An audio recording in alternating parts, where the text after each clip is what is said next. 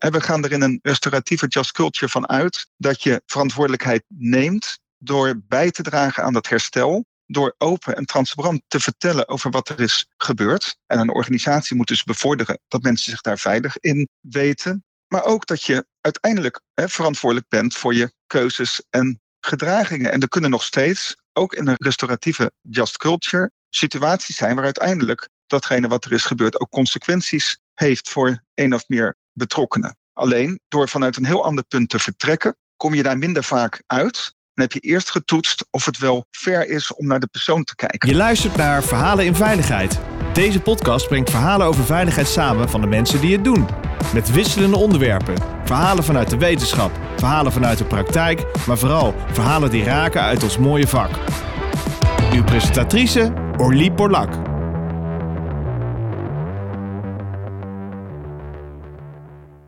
Welkom uh, luisteraars, het is weer uh, tijd voor een uh, mooie podcast. Ik zit in de studio met Nico Kaptein. Hij is calamiteitenonderzoeker en veiligheidsadviseur van het bureau Maruda. Daarnaast is hij docent restauratieve Just Culture aan de Noord-Umbria University.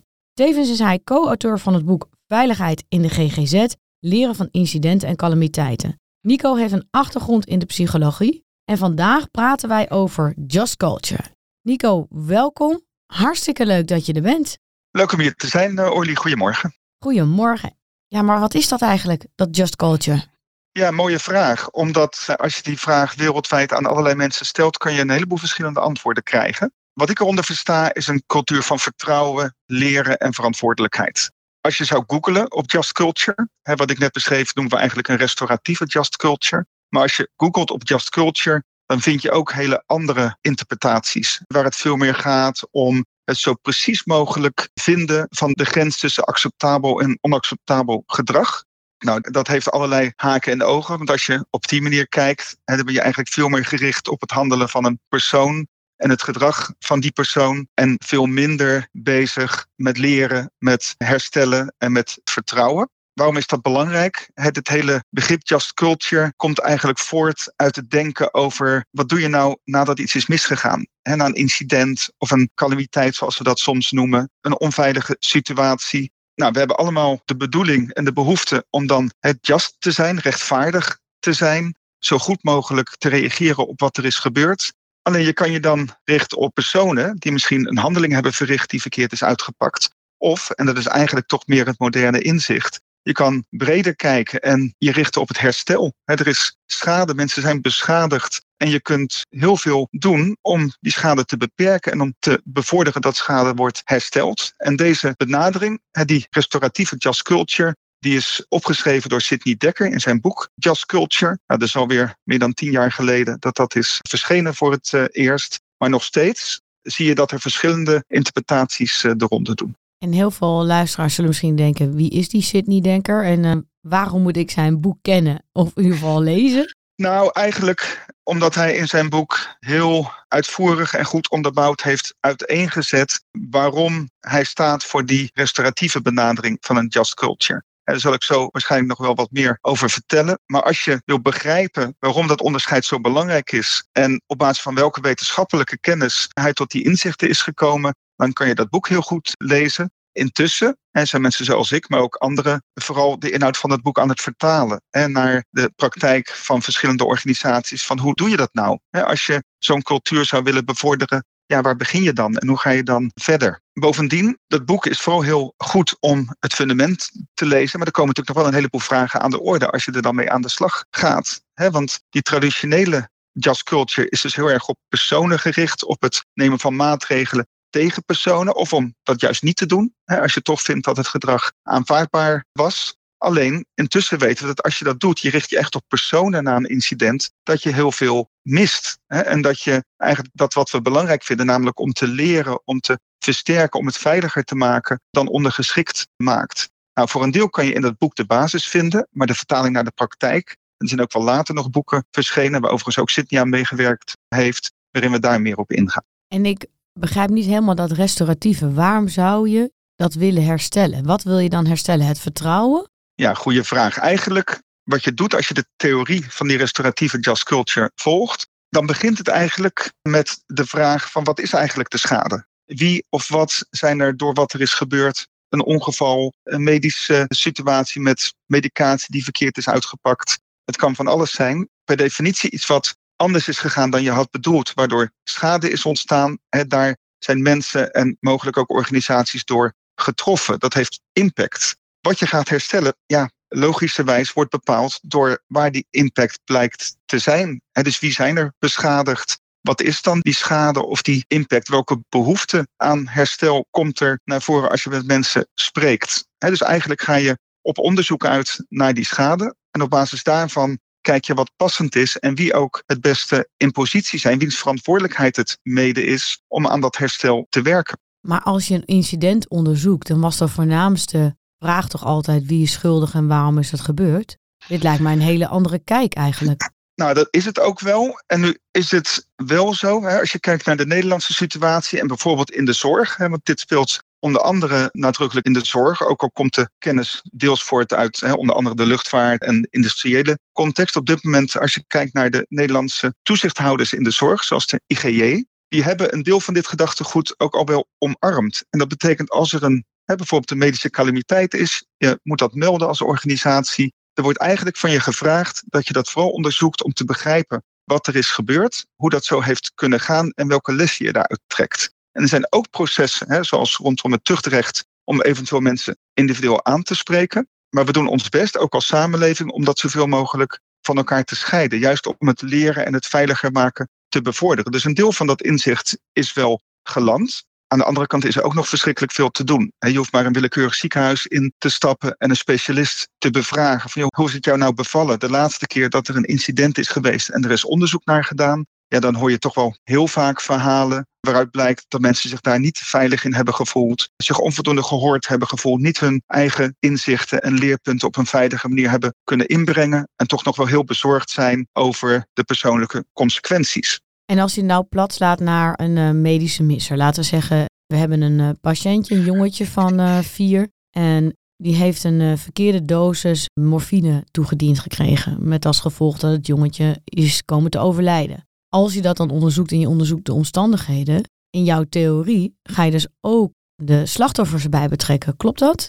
Ja, zeker. En dat is ook al de norm geworden. Er zijn procesbeschrijvingen, er zijn methoden van onderzoek, er zijn ook richtlijnen vanuit de toezichthouders. En die gaan er eigenlijk steeds meer ook van uit dat de nabestaanden, de slachtoffers, de betrokkenen, dat hun stem belangrijk is. En eigenlijk niet alleen na afloop, maar ook altijd al als toetsvraag voor hoe de zorg is verlopen. is het systeem, patiënt zelf, het systeem van een patiënt, de familie voldoende betrokken, is hun stem voldoende gehoord? En er is toch steeds meer het inzicht dat ondanks al je medische kennis je niet altijd weet wat iemand die een ander goed kent zou kunnen inbrengen. Dus dat is mede een onderzoeksvraag geworden. er zijn verschillende redenen om mensen te betrekken. Niet alleen om hun beelden en inzichten te verzamelen, maar ook gewoon om recht te doen aan de vragen die zij zullen hebben. En nou ja, zo'n onderzoek dan toch ook te benutten om die vragen zo goed mogelijk te beantwoorden. Wat ik er nog aan toe wil voegen, is dat het niet betekent hè, dat als je op zo'n manier kijkt als ik net schets, dat je een blame-free, een cultuur krijgt waarin je nooit verantwoordelijkheid draagt en dat je ook nooit ter verantwoording kan worden geroepen.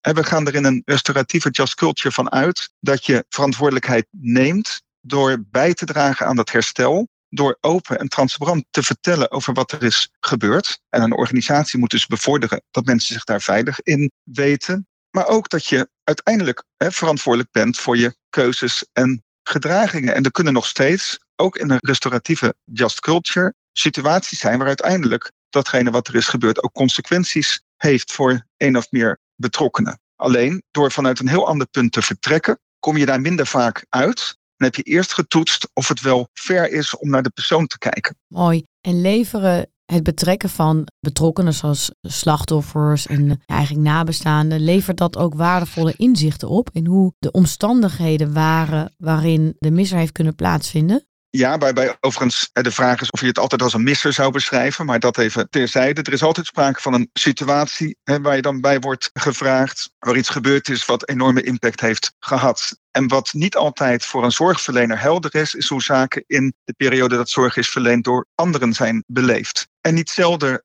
komt toch naar voren dat er in de communicatie in de samenwerking met dat systeem nog wel wat te winnen is. En het perspectief van die betrokkenen kan daar echt uh, belangrijk in zijn hè, om dat inzicht op te doen. Dat is ook een onderdeel van de definitie van een just culture, dat je meerdere perspectieven toestaat. Dat je niet ervan uitgaat, en dat is ook wel te onderbouwen vanuit psychologische inzichten. Ons geheugen is niet een bandrecorder van hoe dingen zijn gegaan. We reconstrueren onze beschrijving van een gebeurtenis op basis van ja, fragmenten waar we een zinvolle beschrijving van creëren. We maken eigenlijk steeds ons geheugen weer opnieuw. Maar als meerdere mensen dat doen, verschilt dat per definitie van elkaar omdat je vanuit een andere context je herinnering vormt. Bovendien weten we niet altijd hetzelfde. Dus die perspectieven die voegen wat toe. Die mogen ook naast elkaar bestaan en zijn niet voorbaat goed of fout. Dus dat betekent dat ook zo'n perspectief van iemand die niet alle zorgmomenten heeft meegemaakt, maar wel heel dicht bij het proces heeft geleefd, echt heel waardevol is. En niet zelden hebben zij sommige zaken scherper en misschien wel beter waargenomen dan de mensen van binnenuit. Dus ik vind dat heel waardevol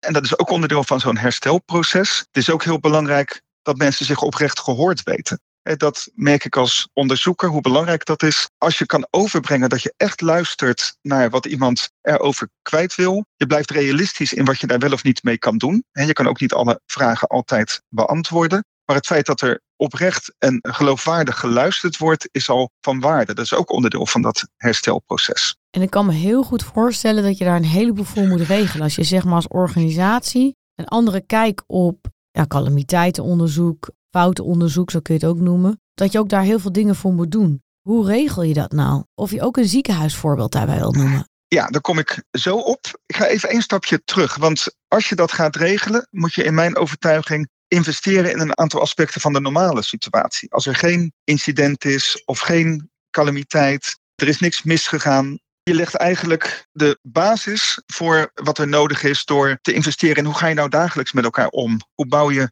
vertrouwen onderling? Hoe zorg je dat er een veilig klimaat is waarin het normaal is om te vertellen als je je ergens zorgen over maakt? En dan heb je het over theorie rondom onderwerpen als psychologische veiligheid bijvoorbeeld het investeren in normaal gedrag en omgangsvormen die mensen krachtiger maken in plaats van kleiner. En daar is heel veel over te doen inmiddels. De theorie van psychologische veiligheid, oorspronkelijk van Amy Edmondson, wordt breed gebruikt en gelezen intussen. Maar dat is niet voor niks, want juist die basis. Hoe maak je het veilig om te vertellen wat je ergens van vindt? Hoe zorg je dat iedereen zijn bijdrage kan leveren? Heeft ook te maken intussen met inclusiviteit en diversiteit. Dit zijn allemaal thema's die het grondwerk eigenlijk vormen voor het ontwikkelen van zo'n restauratieve just culture. Die vind je niet alleen maar na iets wat mis is gegaan. Dat sluit ook weer aan, nog een zijpaadje, sluit ook weer aan op de moderne theorie over veiligheid. Waarin we, ja, oorspronkelijk werd dat heel zwart-wit in safety one, safety two uitgelegd. Dat we heel veel kunnen leren en versterken door gewoon te kijken hoe processen werken, door met mensen daarover te praten, door kleine verbeteringen te toetsen voordat je het heel groot maakt. Dus allerlei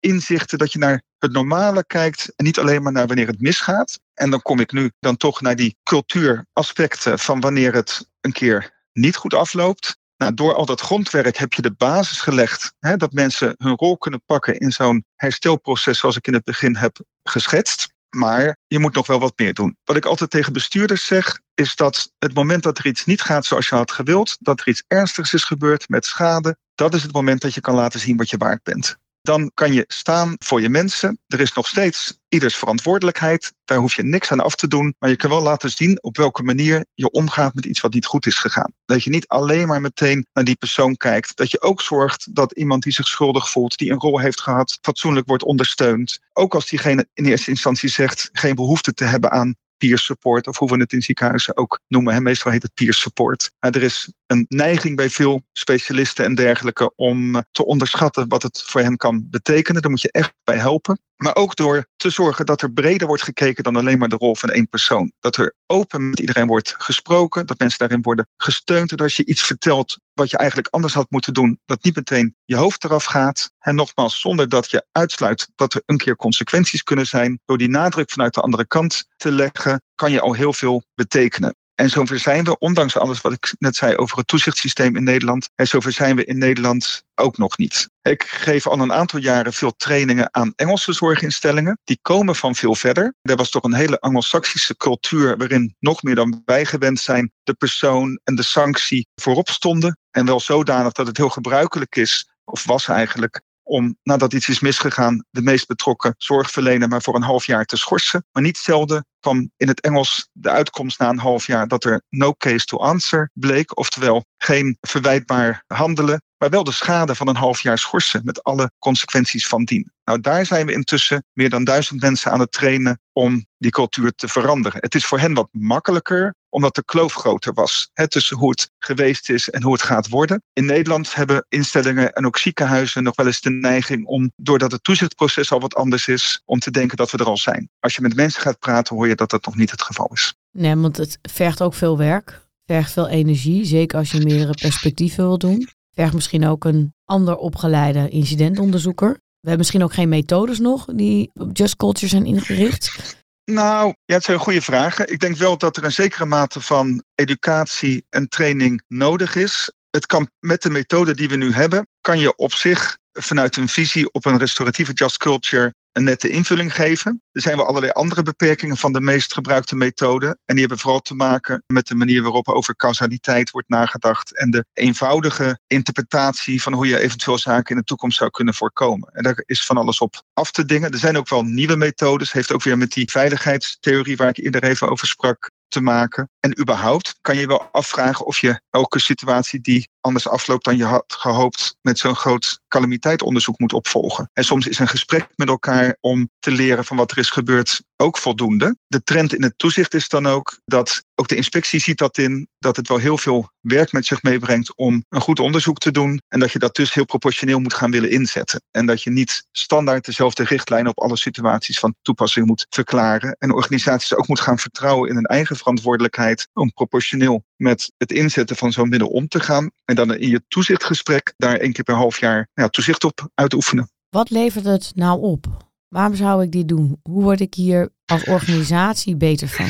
Nou, uiteindelijk, de proof of the pudding zou moeten zijn in datgene waar je als organisatie voor staat. En als ik dan toch even nog betrek op de zorg, gaat het uiteindelijk om die zorg, om de patiëntenzorg. En het is niet alleen overigens op ziekenhuizen te betrekken, maar ook allerlei andere sectoren in de zorg. Daarnaast de impact op de medewerkers. En dat is natuurlijk in samenhang. Als een medewerker zich sterk voelt, leidt dat tot betere en veiliger patiëntenzorg. Maar in het verleden is er ook los van de patiëntenzorg onnodige schade aan medewerkers toe berokkend die niet nodig was en niks heeft bijgedragen. En ook het voorkomen van die schade vind ik al een belangrijke opbrengst hè, van deze manier van kijken. Niet in de laatste plaats. Hè, het is heel moeilijk om effectief te leren van dingen die misgaan. Maar je weet zeker dat het niet lukt als je je puur op de betrokken personen gaat richten. Dan nog is het niet makkelijk. Hè? Ook als je dat vanuit mijn visie doet, is het heel moeilijk om lessen die je trekt uit een situatie zodanig te vertalen naar maatregelen, verbeteringen, dat het ook beklijft en dat het effectief leidt tot, tot een verandering. Dat gaat ook over verandermanagement. Daar kan je een hele aparte podcast over opnemen. Maar er wordt wel eens overschat hoeveel zo'n onderzoek in dat opzicht opbrengt. Ik vind het dan ook altijd heel belangrijk om met de organisatie en de mensen die met jouw conclusies en aanbevelingen moeten werken in gesprek te gaan. Zodat datgene wat we naar voren brengen zo goed mogelijk aansluit bij hun werkelijkheid. dan heb je nog de meeste kans dat het ook draagvlak krijgt en wordt opgepakt.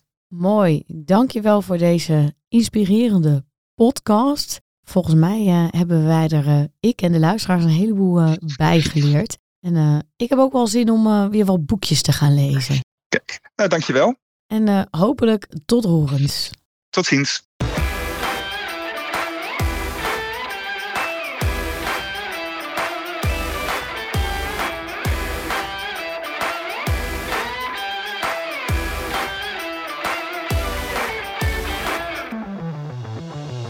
Je luisterde naar Verhalen in Veiligheid. Wil je niks missen van deze podcast? Abonneer je dan op deze podcast in je favoriete podcastplatform.